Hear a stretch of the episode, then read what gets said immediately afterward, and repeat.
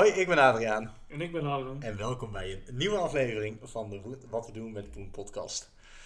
Eh, en dit keer op een vrijdagmiddag. En hoeveel is het vandaag, Harm? Ja, het is al uh, vrijdagavond bijna. Hè?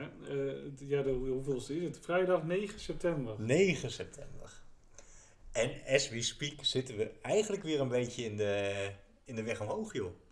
Ja, alleen we zitten wel op dezelfde prijs als dat we de vorige keer deze podcast opnamen. Dus het gaat wel, het is heel stabiel, tenminste als wij het opnemen, want we zitten altijd rond de 21.000 dollar. Maar daartussen gaat het toch wel naar 24, 25.000 dollar en zoals afgelopen week zelfs naar 18,5. Dus ja, het, uh, het, het gaat uh, stabiel uh, slecht, zullen we maar zeggen. Stabiel slecht. Gaan we het zo over hebben, want volgens mij wordt het ook een interessante week, ook volgende week. Maar voordat we gaan beginnen. Nood van de redactie. Harm en Adriaan zijn geen financieel adviseurs. Dat het maar duidelijk is. Volgens mij, Harm, heb ik nog wat te vertellen. Of hebben de luisteraars nog wat te goed? Ja, want jij vertelde dat jij wat ging doen voor je vriendin, waarmee je een half jaar was. Wat is het geworden, Adriaan? nou, het is, het is één groot fiasco geworden. Nee, dat is, is ook overdreven. Maar eh, goed om nog even een recap naar de vorige keer. Ik heb dus een, uh, ik had een half jaar en ik heb nu langer verkering met, uh, met Eva. En toen we de vorige podcast opnamen, zou ik zeg maar die avond of een dag later zou ik iets leuks met haar gaan doen. Want dan was de datum zeg maar dat we een half jaar hadden. En nou ja, eh, zo gezegd, zo gedaan. Hè, was superleuk. Ik dacht, nou, ze kwam naar mij toe, naar Den Bosch. En we zijn dus een hapje met elkaar gaan eten. Superleuk, sushi besteld. En het was mooi weer. Dus we, we dachten, we gaan lekker buiten zitten. Uh, maar daarna kwam het uh, goede idee om uh, toch nog even de stad in te gaan.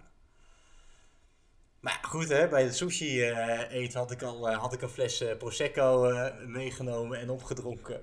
En toen kwamen we thuis voordat we op stap gingen, had ik nog even een biertje op. En ik werk op de zaterdag werk ik ook altijd in de kledingwinkel. Voor echt vaste luisteraars, die weten dat misschien wel. Dus had ik ook een biertje op. Toen zijn we dus naar een cocktailbar gegaan. Waar ik dus uh, een whisky sour of twee of drie whisky sours heb, heb, gedronken. En kon je allemaal nog aan? En, en, daarna zijn we dus nog de kroeg in gegaan waar ik in eerste instantie een shotje limoncello, limoncello op had. En daarna zijn we nog door gaan zakken en zijn we naar twee kroegen geweest en flink aan het bier gezeten. Nou, ik was een partij zat. ik was zat. Dus op een gegeven moment zei uh, ik, ik, ik, ik, het sloeg er gewoon in, want het was allemaal in een, in een tijdsbestek van, ik denk, drie uur of zo. En op een gegeven moment zei Eva, uh, van, volgens mij moeten we naar huis. Ik zei, ja, volgens mij ook. En het, het gekke was, we waren best wel ver weg van mijn appartement. Dus ik dacht van ja, kunnen we een scootertje pakken of kunnen we met een taxi? Maar dat ging allemaal niet meer. Dus ik moest naar huis lopen. En Eva die zei tegen mij, het, lijkt net of je met je, ziel onder je arm aan het lopen bent. En we kwamen thuis en ik ging liggen. En Eva die wilde bij me komen liggen. Ik zei, nee, niet bewegen. Ik zeg, kan het niet meer aan. Dus op een gegeven moment is hij op de bank gaan liggen. En ik heb me toch moeten overgeven overgeven die. Nou, het was echt, echt een ramp. ik dacht zondag zo brak als een toch. Dus ja, was het een gesla geslaagd half jaar? Nou ja, ik, ik heb ze wel eens beter gehad, zeg maar. Ja, je wordt een dagje ouder, Adriaan. Dat denk ik. Dat denk ik. We hebben het in ieder geval wel goed gevierd met een hoop drank. Maar je weet het nog wel allemaal. Ik, dus, ik dus dat, dat, scheelt dan nog. Ja, ik weet, ik weet het nog wel. Maar het was echt. Uh, ik heb uh, nou, lange tijd geleden dat ik echt zo dronken ben geweest. Maar het scheelt. Ik heb een keer overgegeven in het bijzijn van mijn vriendin. Dus erger dan dat kan het denk ik niet. ja, dan heb je dat in elk geval ook overleefd. Oh ja, maar goed, eh, genoeg over dat denk ik. Uh, want, nou ja, we zitten uh, laten we het gaan hebben over, over onze hoofdmoot, namelijk crypto en andere investeringen. Want waar, waar staan we op dit moment op, uh, Harm? Ja, nou, as we speak op 21.000, even snel checken hoor, op 21.268 dollar. En het gekke is, tegenwoordig is dat 21.500 euro. Want dat is natuurlijk ook wel veranderd hè, het laatste jaar. Uh, waar eerst 1 dollar 1 euro. Nee, moet ik wel zo goed zeggen? ja, als je 1 dollar had, had je, had je iets van ta- 80, 90 eurocent nodig. Ja. En dus 1 euro was iets van 1 dollar 20 waard. Maar dat is echt het laatste jaar ook veranderd. Dus ja, eigenlijk scheelt dat echt voor Europeanen zoals wij best wel veel. Uh, tenminste, als je veel geld in crypto hebt zitten. Want wij zijn echt iets van 20% minder gezakt dan de, dan de, de Amerikanen. Ja. Maar jij, zit, jij hebt jouw account ook nog op de dollar staan, toch? Of niet? Nee, ik heb mijn Ah. account wel op de euro staan, tenminste op crypto.com. Maar ik trek echt de koers altijd in dollars. Ja. Maar eh, wat je dus dan wel merkt, kijk, in dollars is het, zou het veel harder gezakt zijn dan in euro's. Dus mijn totale balans is eigenlijk beter, of tenminste lijkt beter dan het aan, daadwerkelijk is. Ja. Ja. Het gekke is dus ook dat vorig jaar is de euro eh, koers op de top van bitcoin iets van 64, 73.000 euro geweest. Maar als je weer op 63, 64.000 euro zou zitten, dan zou de, de koers in dollars iets op 58, 59.000 dollar zijn of zo. Ja. Of 60.000. Dus als het naar 69.000 dollar zou gaan, dan zouden we op een koers van 75, of 73, 74.000 euro zitten. Dus dat is wel gek eigenlijk. Dus dat het eigenlijk de all-time high van de euro veel dichterbij is dan van de dollar. Ja, is het dan ook een goede om gewoon maar in, de, in, eh, in euro's te blijven kijken en eh, in plaats van de dollar te gebruiken? Nou ja, voor ons, eh, kijk, de euro is toch het meest relevante. Want alles wat je hier in Europa koopt, doe je gewoon met euro's. Tenzij je echt een bedrijf bent en importeert en exporteert. Ja, dan heb je er wel veel mee te maken. Maar ik denk dat het voor ons best wel voordelig is dat we wel wat geld in, in wezen in dollars hebben zitten. Zeker het afgelopen jaar. Je ziet, de, je hebt de Dixie. De Dixie is zeg maar de dollar ten opzichte van de euro, de yen en nog wat grote valuta. Maar die is echt gigantisch gestegen dus het laatste jaar. En dat is ook de gro- grootste reden geweest eigenlijk dat wij gezakt zijn met eh, crypto, maar ook met de aandelen. Ja, ja. Hey, maar toch even terug naar de koersen. Eh, want we zien dat ze nu aan de stijgen zijn, maar as we speak hebben we ook een, eh, natuurlijk ook groot nieuws. Want nou, er is een flinke, een forse renteverhoging aangekondigd. Ja. En wat ik nou interessant vind, Harm, is dat die aankondiging wel is geweest, maar dat we vandaag eigenlijk best wel weer een groei meemaken. Ja. Hoe kan dat? Nou, je, eh, in het verleden is het altijd zo dat als het, de, het sentiment heel slecht is, dus als iedereen denkt we gaan naar de verdoemenis, dan bodemt zeg maar de markt uit en daarna gaan we weer stijgen. Net als dat de top altijd is op momenten dat iedereen denkt van, eh, dat het allemaal veel beter gaat worden in de toekomst. Dus je, dat, een beetje gekke psychologie is dat. Maar zoals iedereen denkt het gaat veel slechter, de wereld gaat eraan, dat zag je met corona, dan ging alles daarna stijgen. En het, bij de top zie je het tegenovergestelde gebeuren. Dus wat je van afgelopen week zag, toen bitcoin ook even nog flink daalde, dacht iedereen, oh we gaan echt naar die 10.000, of misschien zelfs sommige mensen riepen zelfs 3000 dollar. Ja, dan, dan, dan, gaan, dan gaan mensen er echt vanuit dat het allemaal veel en veel slechter gaat worden. En het kan nog steeds veel slechter worden hè? in de echte economie. Maar je ziet vaak dat eh, voordat de echte economie echt een klap krijgt, dalen alweer de koersen. Of stijgen alweer de koersen door. En voordat de echte economie een klap krijgt, dalen alweer de koersen. Maar is dat dan ook een soort van, hé, hey, het gaat nu zo slecht, ik, ik ga weer kopen? Is, Ja. Zit dat erachter? Zeker. En je ziet natuurlijk ook, vorig jaar november zaten we op een all-time high. Hè, met, eh, en we zijn nu bijna een jaar verder. Dus die koers is al gigantisch gedaald in dat jaar. Bijna iedereen die nauwelijks of geen interesse had in crypto, heeft alles al lang verkocht. En heeft zich erbij neergelegd, zeg maar, dat het slecht gaat. En nu gaan juist weer de grote jongens zitten kopen. Maar ja, oké, die snap ik. Hè? Dus misschien hebben we nu te maken met een, met een, eh, met, met, met een soort van eh, correctie van de markt of zo. Of mensen zeggen van, joh, weet je, het gaat nu zo zeggen, ik ga weer kopen. En je ziet dat zeg maar terug nu in de, in de stijgende cijfers. Ja. Maar eigenlijk is het zo, Harm, het, het, het, het, eh, nou ja, het is toch heel normaal als je zegt als de inflatie gaat, eh, als de rente gaat stijgen, dat betekent dus dat geld lenen meer geld gaat kosten. Ja. En dat betekent dus ook dat mensen ook niet zo snel met geleend geld bijvoorbeeld dingen gaan kopen. Waaronder dus gaan investeren in crypto.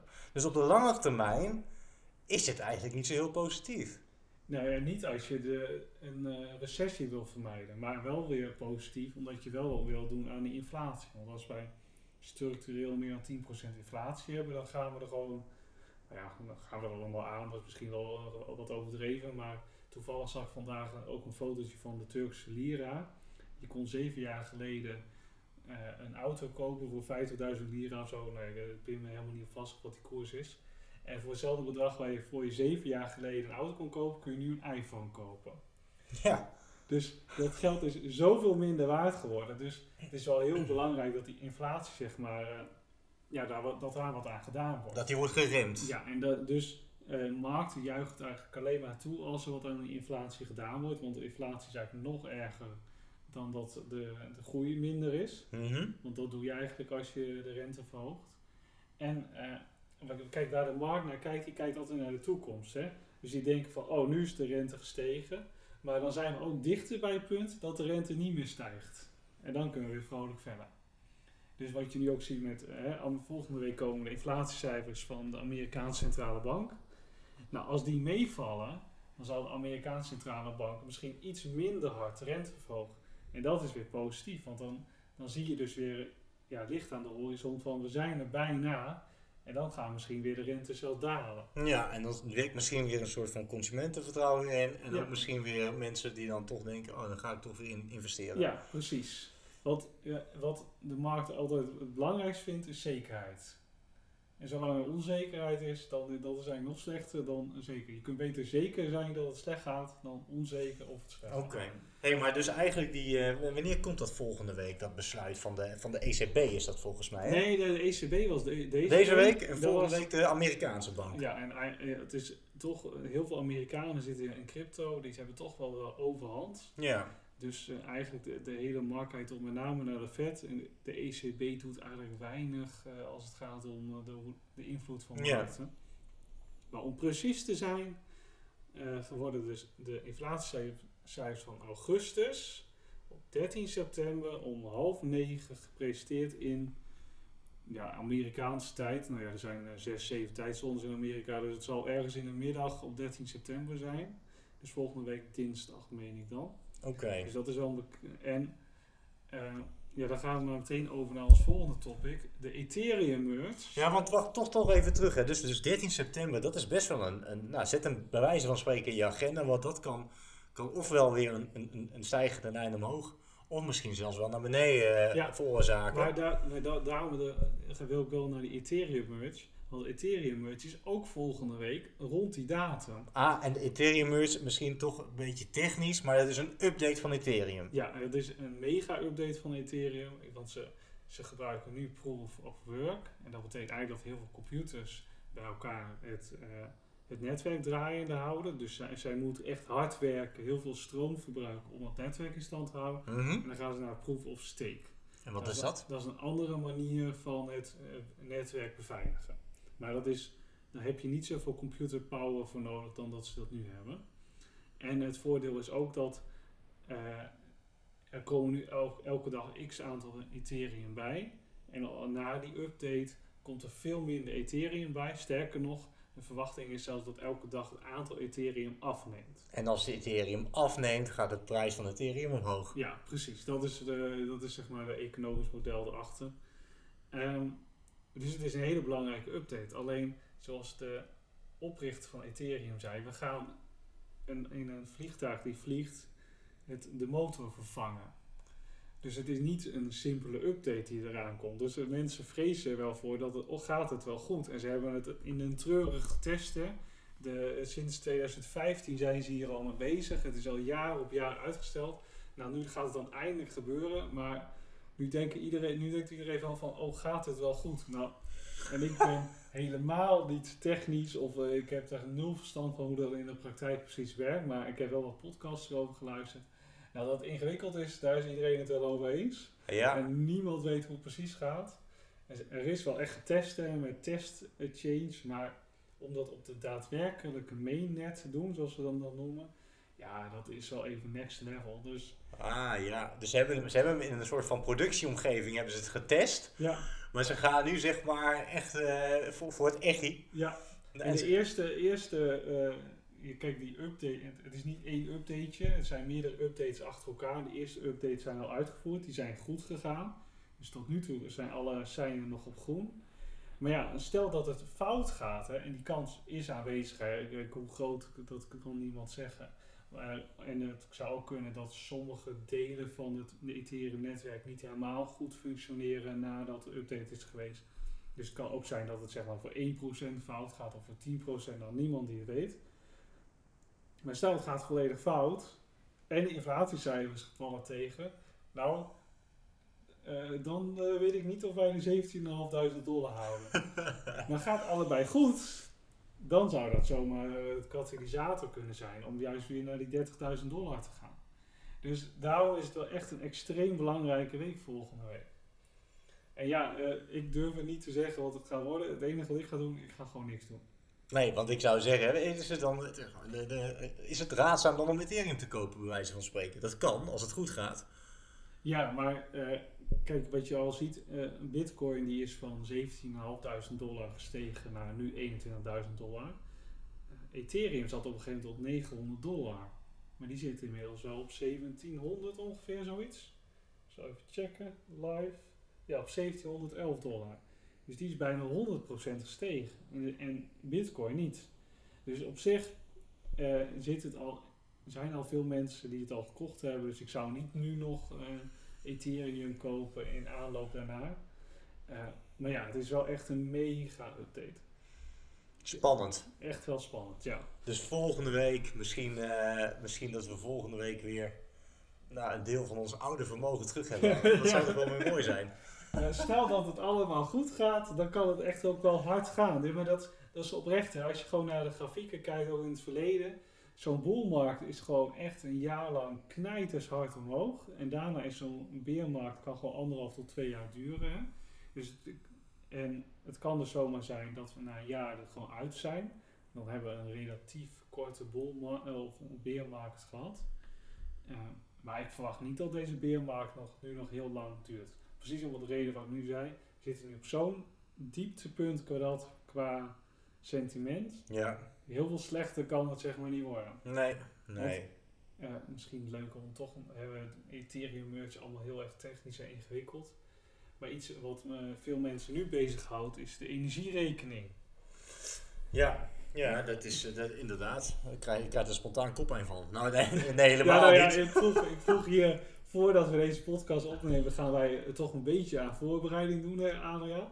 En toen vroeg ik aan jou, wat betaal jij aan, aan, de, aan stroom en gas? Ja, En toen was het antwoord, geen idee. Ja, echt. Al, ik, ik ben daar helemaal niet mee bezig. En dat heeft ook te maken omdat ik, nou, ik denk anderhalf jaar geleden ben verhuisd naar een, naar een heel duurzaam klein appartement. Dus ik, ik, ja, voor- mij is, ik, en het is gasloos, zeg maar. Ik moet natuurlijk wel elektriciteit betalen, maar joh, zoveel zou dat niet zijn. En ik heb dus ook een contract afgesloten voor een langere periode. Eh, hoe lang die periode is, weet ik ook niet. Dus ik ben daar totaal niet mee bezig. Eh, maar jij wel, denk ik. Of niet? Zeker. Ik, ik heb eh, ongeveer rond die tijd dat jij het huis kocht, het contract verlengd destijds. Daarvoor ging ik elk jaar, elk jaar ergens anders heen. Want dan eh, ik betaal nog geen 100 euro hier voor gas en stroom. En dan kon je, eh, vaak als je dan overstapt, dan krijg je 100 of 200 euro cashback als je dan weer overstapt. Dus dat was voor mij heel voordelig. Maar daar was ik op een gegeven moment wel klaar mee. Dus ik denk, weet je wat, ik zet het gewoon voor drie jaar vast. Nou, terugkijkend is dat echt de jackpot ongeveer. Ja. Want ik heb het een van de weken ingetoetst met mijn, eh, ik gebruik 1200 kilowattuur en 100 of 1000 eh kubieke gas of zo, zoiets. Nou, ik zou eh, van 80 euro naar 400 euro gaan als ik nu overstap. Nou, kan ik prima betalen. Maar ik woon nu, want ik woon ook in een, in een relatief klein huis. ik heb allebei de kant muren zitten, dus dat is allemaal prima. Maar als jij gewoon een gezin hebt en je betaalt 200 euro aan stroom en gas, wat best normaal is hè, voor veel huizen, of 150, en dat, gewoon, dat het dan gewoon keer 5 gaat, ja, dan ga je ineens bijna 1000 euro aan energie betalen. Ja. En dat is wel serieus veel geld. Dat betalen de meeste mensen eh, nog niet eens een hypotheek. Nee, maar en, en als je dan, stel je bent een eenverdiener en je hebt kinderen. En je verdient eh twee, eh 2500 euro netto per maand. Dan gaat er 1000 euro gaat er dan naar je energie. Ja. daar zit er nog, je, je huur zal ook, of je hypotheek, is, is, zit ook rond de 1000 euro. Hoe kunnen die mensen dan in godsnaam nog leven? Nee, dat, Dat gaat toch niet? Nee, dat, dat gaat ook niet. Nee. Nee, de, eh, eh, kijk, de meeste, of de, de, de onderkant van de samenleving zat altijd al aan de limiet, zeg maar. Hè. Die kunnen het wel of net niet redden, dus die zijn sowieso de nul. Maar als je, de, de, zeg maar, degenen die daarboven zitten, hebben allemaal wel iets ruimte, zeg maar, aan het eind van de maand. Hè. Maar ja, als er ineens 300, 400 euro aan energie erbij komt, of misschien wel meer, dan zit je ineens wel snel in het rood. Ja. En dan kan je niet meer opvangen door één keer minder uit eten te gaan. Ja. Dan moet je wel of eh, serieus de verwarming naar beneden zetten, of, of andere zaken doen om in elk geval te zorgen dat je minder energie gebruikt. Of aan de andere kant kosten bespaart. Ja, maar en daarbovenop, Harm, de benzineprijzen die gaan door het dak heen. De boodschappenprijzen gaan door het dak heen. Alles wordt gewoon ontzettend duur. Eh, dus het is niet alleen de energieprijzen die, die, die stijgen, maar alles stijgt. Ja. En ik merk zelf nu ook, eh, eh, ik, ik, weet je, ik, we, hebben, we hebben een goed salaris. We kunnen in principe kopen wat we willen. Maar tegelijkertijd heb ik nu ook, weet je, dat ik in de, in, als ik ga boodschappen doe, dat ik een keer naar de bonusartikelen ga zitten kijken. Ik, het is echt niet normaal. Ik ga naar de Albert Heijn. Eh, nee, ik ga het anders zeggen. Ik ging, normaal ging ik één keer in de week deed ik mijn weekendboodschappen. En dan ging ik naar de Nettorama. En dan eh, half mikte ik alles in mijn karretje. Ik had twee volle zakken. Ik was hooguit 50 euro kwijt per week. Ga ik nu boodschappen doen bij de Albert Heijn? Ja, ik lieg niet. Ik, ik ga er elke el- en ik doe het elke dag. Hè, het komt zo uit omdat ik nu eh, bij Eva woon en om de hoek bij Eva zit een Albert Heijn. Eh, ben ik 40 euro kwijt voor, voor, voor een dag. Voor een boodschap. Gewoon één, één zak vol. En ik, vind- ik vind het echt, echt niet normaal. Hè, daarbovenop is het, komt wel bij kijken, is dat eh, Eva, eh, we eten heel veel vegan. En komt Eva heeft een lactose-intolerantie, dus vegan is makkelijk. En tegelijkertijd doen we daar ook iets mee voor het klimaat. Zit ook een Maar beetje ook in me. Maar het is schandalig duur. Echt niet normaal. En dan snap ik dat mensen eh, A, voor de goedkope varianten kiezen. Hè? Eh, en B, ook zitten te klagen, want ze kunnen het niet meer betalen. Nee, dus eh, ik, ik vind het zelf wel interessant eigenlijk. Ook, eh, kijk, het is natuurlijk verschrikkelijk als het je overkomt, hè. En wij hebben echt de loterij, even vanuitgaan dat jij ook een drie jaar contract hebt, want dat is op zich het meest logisch. En hebben wij echt de loterij gewonnen, doordat we nu zo weinig relatief aan energie en gas betalen. Maar ja, welke kant gaat dit op, zeg maar, hè? Eh, nou, ik denk zelf, als ik zo de gasprijs zie, het is gewoon zo hard gestegen door de, door de schokken. Vorige week sloot Rusland definitief de Nord Stream 1. En Nord Stream 2 is überhaupt nooit in gebruik geweest. Of tenminste niet naar mij weten. Ehm, dus dan is het een schok in de markt en dan zie je de prijs exploderen omhoog. Nou, dat zijn al de eerste bedrijven die gewoon afgeschakeld zijn. Hè. Die zeggen gewoon, wij gaan dit gewoon niet eh, redden. We kunnen beter gewoon op slot gaan en wachten tot de gasprijzen normaal worden. Dus dan, en op zich is dat goed, hè, want dan daalt de, de, vraag naar energie. Nou, en dan daalt ook de prijs. Dus we gaan op een gegeven moment naar een nieuw normaal komen. Maar dat normaal zal waarschijnlijk nooit meer het oude normaal zijn. We zullen, het kan maar zo zijn dat we uiteindelijk op het dubbele uitkomen wat we een jaar geleden tot onze gas en energie kost. En dat is nog steeds vele malen lager dan dat het nu staat. Maar ik ben wel heel benieuwd hoe dat zichzelf gaat zeg maar, zeg maar, dit uitspelen. Ja, maar is het ook niet een, eh, een, een gouden tijd om, zeg maar, om toch versneld van het gas af te gaan? Eh, en, en nieuwe innovaties te bedenken om dit te voorkomen. Of alternatieven, zeg maar, van het gas.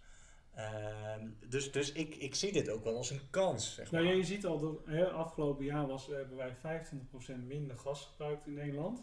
Nou, niet per se omdat het een eh, heel veel mildere zomer was, winter was dan andere eh, winters. Maar gewoon puur door de prijzen. Want toen steeg het ook al, hè. Ja, Eh, dus we kunnen wel degelijk minder gas gebruiken. En ja, ik geloof, iemand zei laatst tegen mij dat de rendement van de, zijn zonnepanelen was 55%. Oftewel, 55% van de investering had hij een jaar terugverdiend. Nou, dat haal je echt bijna nergens. Dan, eh, in crypto is dat al eh, bij heel moeilijk. Ehm, alleen in boelmarkt haal je dat. Dus ja, dat, dat, dat zijn dan, dan is het wel echt serieus voordelig om eh, zonnepanelen en zo te hebben. Ja. Maar ja, eh, nog steeds, als jij een, een, een heel oud huis hebt die, Ja. eh, die niet goed eh, eh, ja, Geïsoleerd is. ja, dan, Ja. dan ga je dat ook niet redden. En, en zeg maar eens tegen iemand die eh 1000 euro aan energie moet betalen. Ja, ik investeer ook nog maar een paar duizend euro in zonnepanelen. Ja, waarvan dan? Ja, ja, dat hebben ze niet. Nee. Dus dat zijn wel. eh, dus ik ben heel benieuwd hoe zeg maar, dat effect gaat hebben de komende maanden op onze samenleving. Ehm, en ik, ik durf het gewoon niet te zeggen welke kant het op gaat. Van de winter een extra dikke trui aan. Dat moeten we maar doen. Ja, wij niet Ja, trouwens. maar, ja, maar wij dan weer niet. Ja, maar dat is dus het lullige. Wij, Ja, wij, zijn, ja. wij hebben helemaal niet bewust voor drie jaar het vastgezet. Nee. Door niemand. Alleen wie zag dit nou aankomen? En, en toch hebben we mega profijt ervan dat we dat wel gedaan hebben. Want nu hebben we de CAO-onderhandelingen voor ambtenaren zijn nu ook bezig. Geheid dat dat best wel hoog komt te staan. Nou, dat, dat ontvangen wij ook allemaal, terwijl we het niet per se nodig hebben om onze energierekening te betalen. Nee, nee, nee, nee. Ja, nee dat, maar ja, dat soms moet je ook een beetje geluk hebben in het leven. En dit, Ja. dit, maar ja, dus, er zullen er meer zijn die eh, net eh, voor, eh, voor die crisis een, een, een, een contract hebben afgesloten voor een langere tijd. Ja, die, die klappen gewoon in de handen, klaar. Ja. Ja. ja. en het zou heel lullig zijn als je nu net op dit moment moet gaan verlengen. Ja, dat is, dat is, nu, gewoon- dat is nu eenmaal zo. Ja, dus ik ben wel heel benieuwd hoe dit zich uit gaat spelen, wat ook de macro-effecten hiervan zijn. Want je ziet dat in Amerika hebben ze dit probleem dus eigenlijk niet, hè, als het gaat om eh, stroom- en gasprijzen. En Want daar, eh, daar, daar wekken ze het gewoon allemaal zelf op. In principe zijn zij het enige continent waar ze gewoon stroom en gas van hun eigen continent af kunnen Ja. halen. Misschien moeten we toch wel weer de Groningen daar de gas gaan, eh, gaan zitten, Nou, zitten opwekken. voordat we dan krijgen we Oh, we de Groningse luisteraars Nee, achter ja, ja, dat snap ik ook alweer. Nee, en, en, en ook dat er, ik heb ook wel begrepen, dat kun je wel doen, wat het voornaamste effect, het is niet dat de prijs dan ineens gigantisch daalt. Het is met name dat, dat eh, de Nederlandse staat echt gigantisch gaat verdienen daaraan. Eh, en ja, met alle risico's van dien voor de aardbeving. Het is natuurlijk niet voor niets dat het naar beneden gaat. Genoeg over gas en energie en, en andere zaken. Ehm, ik, ik, wa- waar ik benieuwd naar ben, Harm, we hebben een, eh, een, eh, een portefeuille zijn we aan het opbouwen. Maar wat is, wat is daar de stand van zaken van, joh?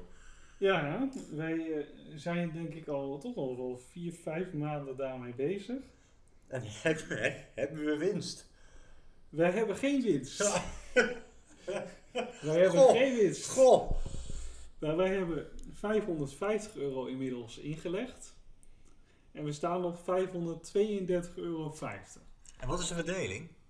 En op 160 euro ETH, 100 euro Bitcoin, 72 Solana, eh, 60 euro Chainlink, eh, bijna 50 Render, bijna 50 Nier en 45 euro Cardano. Oké. Dus eh, nou, dat is best wel redelijk verdeeld. Over best wel wat coins eigenlijk. Maar wij, wij, ja, ik vind het op zich wel grappig hoe we dit doen. Hè? Want elke twee weken leggen we 50 euro in. En dan gooi ik vier coins op eh, Instagram en Telegram. En zeg het maar jongens. En dan komt dan deze portefeuille uitgerold. eh, en ja, we hebben eigenlijk gewoon eh, na zoveel maanden staan we nog een beetje kiet. Want ja, eh, 18 euro verschil. eh, we kunnen over twee uur bij wijze van spreken in de plus staan. En dat laat wel zien wat de kracht is van DCA. hè, Want dit is dollar cost average. Je pakt alle toppen en dalen mee. Maar ja, als je dus niet de absolute bodem koopt, dan blijf je dus ook een beetje doorsukkelen. Eh, dus eh, ja, ik ben heel benieuwd hoe we er over een paar jaar hier naar kijken. Hebben we dit nou goed of eh, slecht gedaan? En mijn overtuiging is, zeker in 2024, als de bitcoin halving er weer is, dan is dit vier, vijfvoudigd. Dit bedrag. Laten we het hopen. We gaan naar de vragen van de luisteraars, Harm. Of heb je nog een onderwerp wat je wil bespreken? Nee, dat was hem. Was niet zo, hè? Ja. Ik heb, eh, we hebben er weer een aantal eh, binnengekregen. Ik ga ze niet allemaal behandelen, eh, maar ik pak er een aantal uit. Jullie podcast is vrij zwaar gefocust op crypto. Mijn vraag is dan of jullie ook de normale aandelen hebben en of jullie de podcast in de toekomst ook die richting op willen gaan. Nou ja, wij, wij heten niet voor wat te doen met Poen. Inderdaad, we zijn flink gefocust op crypto. Maar we hebben ook wel andere investeringen besproken. Ja, we hebben best wel wat investeringen in alle podcasts be- besproken. Maar inderdaad, 90% gaat gewoon over crypto. En andere investeringen waar we gehad hebben was helium. En, maar ook allemaal crypto gerelateerd natuurlijk. Precies. Ik heb wel eens wat gezegd over dat ik aandelen heb. Eh, ik, ik gooi elke maand 500 euro eerst, de eerste dag van de maand in aandelen. Ik, en ik doe het gewoon bij ING. Ik zit er ook helemaal niet te kijken welke bedrijven en zo. Het interesseert me ook eerlijk gezegd weinig. Eh, want aandelen zijn gewoon super saai in vergelijking met crypto. Maar ja, ik wil wel iets van verdelen. Want ik zit, ben nu wel heel erg zwaar gefocust op crypto. Eh, maar wie weet in de toekomst hè, dat we wel wat meer daarmee gaan doen. Ik denk wel ook, hoe meer geld ik in crypto verdien, hoe meer ik ga kijken naar andere assets. Dus eh, ik ben ook serieus aan het kijken voor een huis. Of nou ja, serieus, ik zit echt wel wat vaker te kijken. En ik zou mijn eigen huis gewoon hypotheek... eh, ja, ik zou helemaal deze huis kunnen aflossen. Ja, Ja. en ik zou dit huis kunnen, gewoon kunnen gaan verhuren en een nieuw huis kunnen kopen. En dan met de huur van dit huis de hypotheek van mijn volgende huis kunnen financieren. ja. Zo, tenminste, daar ben ik over aan het nadenken. Maar dat is wel echt een paar jaren plan. Dat is niet iets wat ik volgend jaar waarschijnlijk doe. Eh, dus dat zijn wel investeringen waar ik kijk. Nou, mensen zeggen ook wel goud. Dat vind ik ook ontzettend saai. Ook als je- Ook als je naar de laatste tien jaar kijkt, dan sta je ongeveer kiet. Ik, voor, ik heb dit één keer eerder geroepen en toen zijn er allemaal mensen, ja, maar dat is niet zo. Nou, als je naar tien jaar precies kijkt, dan zit ik wel redelijk gelijk. Alleen ook daar, je hebt ook wel echt wel flinke eh, dalingen en stijgingen gehad. Dus ook als je hem daar op de bodem pakt, kun je ook nog wel geld verdienen. Dus dat. eh, en ik heb natuurlijk steppen. eh, en dan maar, dat is ook crypto. eh, je hebt NFT's, ook allemaal crypto. Ja, en je hebt een hele zeldzame whisky. En ik heb een hele zeldzame whisky. We hebben het ook wel eens over Pokémon kaarten en zo gehad. Die heb ik dan weer. Die heb jij nou weer. En nee, dus er zijn wel tal van investeringen. Maar ja, klopt. We zitten nou eenmaal veel, zijn we met crypto bezig. Dus ja, daar ga je ook het meest van ons van horen. Volgende vraag. Ik heb Nee, maar even voor, Ja, heb jij ja. überhaupt iets anders dan crypto qua beleggingen en zo? Nee, ja, ja, ja, nee ik, echt, echt, ik heb geen aandelen. Eh, maar ik heb, ik heb eh, wel eh, een, een eigen appartement met wat overwaarde. Ehm, en dan heb ik een stukje crypto. En dat is het volgens mij wel. Ja, en dan heb ik inderdaad ook een aantal items wat meer geld waard is geworden in de toer. Dus dat is eigenlijk ook een soort van belegging of investering. Maar Ja, maar zo, heb je nooit, zo zie ik het dan niet. nee, Nee, Je hebt het nooit met intentie gekocht om het daar Nee. later eh, voor meer te verkopen. nee, nee. Want het is ook niet, hè, je, je, hebt wel eens, eh, je hebt wel wat merkkleding en zo. En je zit volgens mij ook wel op Vinted. Ja, maar daar ben ik ook, weet je, daar, heb ik, daar hebben we ook een keer een, een podcast aan gewijd, zeg maar, aan dat je best wel geld kan, kan verdienen met, nou ja, eh, best, wel, eh, be- best wel trendy schoenen op dit moment.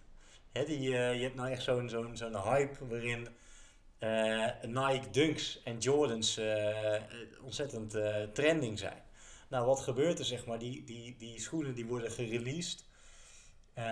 En je kunt je daarvoor inschrijven. En als je dan de gelukkige winnaar bent van zo'n schoen, dan wordt die gewoon meteen op internet gezet voor twee, drie, twee drievoudige. Ja. Dus er zit wel een verdienmodel achter. Maar ik, ik heb daar dan toch ook niet zo heel veel zin in om daarin mee te gaan of zo. Nee. En daar constant mee bezig te zijn. Ja, en je gaat ook niet alleen daarmee je geld verdienen. Je moet heel veel van dat soort projectjes hebben, wil je daar je geld mee verdienen. Ja, ja dat is het. En waar ik nog wel een keer naar wil kijken, serieus, je hebt heel veel ook van die YouTubers die dat dan promoten op YouTube. Dan kun je allemaal eh, shit uit eh, China kopen en dan ver- verkoop je door voor een euro meer, zeg maar. En dat Oh, ja. gaat dan allemaal automatisch. eh, ik Hoe heet dat nou toch? Dat ja, is dat, dat bepaalde. Maar ja, ik ben een van de weinige mensen die YouTube Premium heeft, dus ik zie geen reclame op YouTube. Oh ja. Maar het schijnt zo te zijn dat als je een beetje geïnteresseerd bent in geld en zo, dat je dus allemaal dat soort YouTubers krijgt die je dat gaan uitleggen. Die dan cursussen verkopen voor 1000 euro om jou uit te leggen hoe je dat moet gaan doen. Maar ik denk als jij dat geld nodig hebt voor een cursus, dan doe je waarschijnlijk ook niet zo goed met dat bedrijfje. Maar, Allah, eh, er zal vast wel iets van een verdienmodel en zo achter zitten. Dus ik wil daar nog wel eens naar kijken of ik dat in, in het klein zou kunnen doen ernaast. Maar Ja, ik moet toch zeggen, het leukste vind ik toch crypto. En, eh, en misschien komt mijn, eh, deze maand eindelijk mijn weerstation waar ik wat geld mee kan verdienen. Dus ja, dat, dat vind ik gewoon het leukste. En misschien dat Ur 2 nog eens een keer wat geld oplevert, Adriaan. Eh, dus dat. Maar je, je moet ook gewoon doen waar je, wat je leuk vindt om te doen. En eh, dat hebben, hebben we ook wel eens over behandeld. Of over gesproken. eh, is dat ja, je kunt ontzettend veel dingen verzinnen waar je geld mee kan verdienen. En heel veel geld mee kan verdienen. Ja, nee, dat ben ik van overtuigd. Als je echt in een niche gaat specialiseren, dan kun je overal geld mee verdienen. Precies. Maar doe gewoon de dingen die je leuk vindt ook. Ja, en, maar, maar ook probeer het ook gewoon. Dat is het ook wel. Want eh, toevallig hè, we hebben op Telegram nu eh, net iemand die nie- nieuw is in de cryptowereld en van alles nog geprobeerd. Ja, dat is wel de manier om het gewoon te ondervinden en uiteindelijk geld te gaan verdienen. Ja, mooi. Volgende vraag. Ik heb wel een vraag over cold wallets. En dat vooral, en dan vooral, wat is een simpele en compatible met mijn Android telefoon? Ben niet in het bezit van een laptop of hardtop. Hebben jullie ze ook en wanneer zijn jullie ermee gestart? Ik denk in eerste instantie even uitleggen Harm wat een cold wallet is. Nou, je hebt allemaal eh, gewoon wallets op eh, die gewoon telefoon en eh, weet ik allemaal wat draaien of op de laptop. Je hebt, heel veel mensen hebben gewoon hun crypto op de exchange staan. Ja, ik ook. Jij ook. Ja. Ook een groot gedeelte van mijn crypto staat gewoon op de exchange hoor. Eh, maar je kunt ook in een soort fysiek apparaatje eigenlijk kopen, of een USB-stick of een kaart. Ik heb letterlijk een kaart als cold wallet, zeg maar. En daar staat je crypto dan op. En daar kun je alleen maar toegang toe hebben met jouw seed code. Dus dat zijn 12 of 24 woorden. Nou ja, dat ligt er een beetje aan hoe en wat. En dat is in principe het meest safe. Want zolang jij jouw woorden hebt, kun je altijd bij jouw crypto komen. En ook als een exchange gehackt wordt of nou ja, wat er ook mee kan gebeuren, je kunt altijd bij je eigen crypto komen. En dan maakt eigenlijk een Android, ja, maakt daar niet zoveel uit. Je moet gewoon zo'n cold wallet of zo hebben, waarop je je crypto zet. En dan kun je van allerlei verschillende devices kun je dan inloggen op jouw Nou, wallet. je, hebt, je, ja, je moet dat dan wel uiteindelijk verbinden met een apparaat om bij- bij je bitcoin te komen. Maar ja, eh, het voordeel, je, gaat een cold, je zet niet crypto op een cold wallet voor een dag. Als het goed is, zet je dat eigenlijk wel voor meerdere jaren erop. Dus, dus dat. Ja. Ik, ik zit te denken aan het verhaal. of In het verleden zijn toch mensen die dan de bitcoin hadden op een USB-stickje of zo. En die hebben ze dan weer gemixt. Of, en dan eh, zitten ze te zoeken en ze kunnen het niet meer vinden. Ja, er zijn echt een tal van dat soort verhalen. Dat- Deze zomer kwam er nog zo'n verhaal van iemand die zoveel duizend bitcoin had. En die heeft dat weggegooid. En hij denkt dat het op een of andere vuilnisbelt zit. En hij, hij, had het idee opgevat om twee eh, eh, robots die op honden lijken. Die zouden dan dat hele, die a- hele afvalberg zeg maar door kunnen gaan. eh, s- ja, gewoon door Zoeken, kunnen gaan zoeken op zoek naar die bitcoins. En, maar dan moest hij allemaal vergunningen en zo voor hadden. En hij had iets van gezegd van, nou als ik het dan vind, dan krijgt de community zoveel eh, geld van mij. Maar wel onder voorwaarde natuurlijk dat hij het vindt. Nou, eh, dat kwam toen in het nieuws. Maar er zijn heel veel van dat soort verhalen. Er is ook de, een van de bekendste verhalen is dat zoveel duizend bitcoin voor een pizza was betaald destijds. Oh ja, dat is, dat, dat is niet dat het vergunning Nee, nee. ze- kwijtgeraakt. Ja. Maar er zijn van, van alle miljoenen bitcoins die ooit gemaakt zijn, zijn er x aantal miljoen, geloof ik zelfs, die in principe gewoon zoek zijn. Mensen die gewoon eh, computers zijn kwijtgeraakt, eh wachtwoorden zijn vergeten, nou, et cetera. Nou, ik denk inmiddels dat het wel meevalt, maar ik denk dat we bijna dagelijks nog wel mensen hun crypto kwijtraken. Of bijvoorbeeld hun bitcoin naar het verkeerde adres sturen. Dat ben je Ja. ook kwijt. ja, heb ik ook wel eens meegemaakt. Ja, ja dan, dan ben je het ook gewoon kwijt. Ja, daar kun je niks aan doen. Niemand, die, je kunt niet eh, de eigenaar van Bitcoin eh, bellen van eh, sorry, ik heb een foutje gemaakt. Ja, dat is dan een gift aan de community, zeggen ze dan. Nou, ik doe het graag. Mooi. Zien jullie de toekomst van crypto nog hetzelfde vergelijkend met hoe jullie er bijvoorbeeld nog in, in december naar keken? Ja, en ik, ik had nog even een verduidelijke vraag gesteld. Eh, kijk puur naar de prijs of naar de toepassingen? Want dat zijn nog wel twee verschillende dingen. Hè? Nou ja. We hebben het ook wel eens gehad over wat de toepassingen van crypto zijn en wat daar de mogelijkheden in zijn. Nou, daar ben ik eigenlijk nog wel enthousiaster over geworden de laatste jaren. Er er zijn zoveel mogelijkheden, zeker met de metaverse en NFT's bijgekomen, die eigenlijk vorig jaar nog niet zo bekend waren. De, en in die zin ben ik nog zekerder wel geworden van de toekomst van crypto. Dit is gewoon iets wat blijft bestaan. Alleen ja, we zitten nu even qua prijs slecht. Maar Harm, zeg maar, de ontwikkelingen gaan toch hand in hand met de prijs? Ik Nee, zeker niet. Nee, de, de markt is niet eh, in die zin realistisch. Laat ik het anders zeggen. Als er geen ontwikkelingen meer zijn op het gebied van crypto, dan heeft het toch ook misschien niet direct, maar op lange termijn toch wel invloed op de prijs. Want als het niet, als het niet levensvatbaar is. Absoluut. Nee, maar kijk, de, eh, nu staat, eh, van de week stond eh, bitcoin op 19.000 dollar. En dan stond het op dezelfde prijs als vier jaar geleden. Of, vier, of vijf jaar geleden Ja. zelfs. Terwijl nu de techniek en de ontwikkelingen veel Beter zijn. beter zijn. Ja, dus dan kun je zeggen, is nu de prijs dan heel laag? Of was toen de prijs heel hoog? Nou, Ja. Het is een beetje debatable wat dat dan is.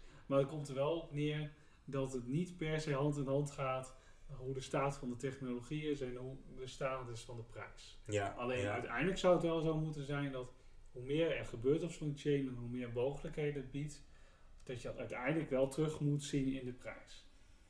En, en in die zin zie je het ook wel terug in de prijs, want een paar jaar geleden was 19.000 dollar de top en nu lijkt dat toch wel de bodem te zijn. Nou, dat zegt natuurlijk wel wat, hè? want toen was de bodem letterlijk 3.500, 4.000 dollar. We zitten daar al keer 5 boven. Ja. Ja, dus in die zin eh, is er weinig veranderd aan onze teasers. Qua prijs zijn we natuurlijk, we hebben 1 januari allemaal wilde voorspellingen gedaan die totaal niet uitgekomen zijn of gaan uitkomen. Ehm, dus in die zin zaten we echt gigantisch naast. Maar dan ga ik weer lekker, eh, eh, lekker toekomst eh, denken. In de toekomst komt het allemaal goed. Nou, dat, daar, daar, houden, daar houden we je maar allemaal aan. Ja. Tot slot, laatste vraag. Wat vinden jullie van Lunk? Lunk, is dat een Oh, nieuw project L-U-N-C? Is dat, is dat Luna? Ja, dat is zeg maar Luna. Ja. Is dat, is dat een nieuw project van Luna? Hoe, Het is de, de opvolger van Luna, zeg maar in het kort. Eh, en eh, ja, wat vinden we daarvan? is Ja, dat, het is dat, eigenlijk een soort meme coin geworden in mijn optiek. hij is gigantisch gestegen volgens mij, Ja, coin. En hij is gestegen omdat hij, eh, ja, hoe ga ik het uitleggen? Als je een transactie doet op Luna straks, of op Loon C, hoe je het ook noemt, dan wordt 1,2% belasting zeg maar geheven. En, of tenminste, wordt 1,2% van de transactie wordt vernietigd. Dus als jij mij 100 euro overmaakt, ontvang ik 98,8 euro Ja. in Luna. En 1,2% is gewoon voor altijd weg. Nou, als je natuurlijk, als heel veel mensen dan die transacties doen, dan gaat dus telkens wordt 1,2% zeg maar verwijderd. Dus dan is het ook minder Loon C over. En als, en als de vraag hetzelfde blijft, dan stijgt de prijs. Maar dit is niet de eerste keer dat zo'n coin dat doet. Eh SafeMoon is een van de bekendste, die had ook zo'n trucje. En die ging toen door dak, dak, dak, dak. Die is echt met tienduizenden procent gestegen. Nou, inmiddels is het helemaal geen fuck meer waard. Dus het is leuk voor de korte termijn, zo- zo'n actie. Maar er gaat natuurlijk niemand echt gebruik maken van zo'n chain als je zeker weet dat je daarna 1,2% kwijt bent. Precies. En de meeste transacties gebeuren op een exchange. Maar als jij op een exchange bitcoin koopt, dan is het echt niet zo dat je gewoon echt bitcoin krijgt. Je, alleen je getalletje op jouw portfolio wordt anders. Het wordt pas aan jou echt uitgekeerd als je het daadwerkelijk met bitcoin naar een andere exchange gaat sturen. Naar je eigen wallet gaat sturen. Dan krijg je daadwerkelijk die bitcoin. Dus voor die exchange gaat. Dus het is niet zo dat als je op Binance Luna gaat zitten traden, of Loon C zoals ze het dan noemen, dat dan bij elke transactie 1,2% eraf gaat. Dus eh, het is een gigantische hype. En er zijn natuurlijk heel veel mensen die nog shorts hadden op Loon C, dus die zijn ook nog allemaal vernietigd. Nou ja, het is echt gewoon 500, 600% gestegen in de afgelopen eh, week. En ik geloof zelfs dat Luna vandaag met 100% gestegen was. Nou, echt gigantisch. Hmm. Eh, dus dat is eigenlijk ook wel het antwoord. Is crypto dood? Nou, daar kun je wel antwoord op zeggen nee. Want er zijn nog genoeg gekken. Dat kan niet anders zeggen. Genoeg gekken. eh, die nog dit soort coins zitten te treden eh, met ik weet niet hoeveel risico. Ja, ja. Maar ja, ik vind het wel grappig hoe het, het laat wel weer zien ja, dat de bull market nooit ver weg is. Want dit is echt bull market stuff, hè, dat in één dag een coin verdubbelt. Of dat in één week zo'n coin waar eigenlijk geen donder op gebeurt, vervijfvoudigt. Ja, Op basis van iets heel vaags. Nou ja, het is wel heel concreet, maar iets waarvan je soms eigenlijk van tevoren al weet dat het niet gaat werken. volgens mij ga je die coin niet kopen, Harm. Nee, ik, ik heb nog wel Luna, want ik had, ik had natuurlijk ooit Luna, dus ik heb ook, wat Loon C gekregen, maar het, eh, ja, het is echt van bij mij tientjes werk, ja, het zal allemaal wel. Maar ja, toch, ik zag het vorige week wel de hype ontstaan. Ik heb het gewoon genegeerd, maar dat is natuurlijk stom dat ik het genegeerd heb. Ik had gewoon 100 euro moeten kopen en dan had ik nu 500, 600 euro gehad. Maar ja, ik had dit echt niet durven te voorspellen. En de mensen die dit allemaal eh, mee, mee zijn gegaan, eh, zeg ik ook gefeliciteerd. Hè? Ik vind het knap dat je dit eh, had voorzien. Of tenminste eh, op gegokt hebt.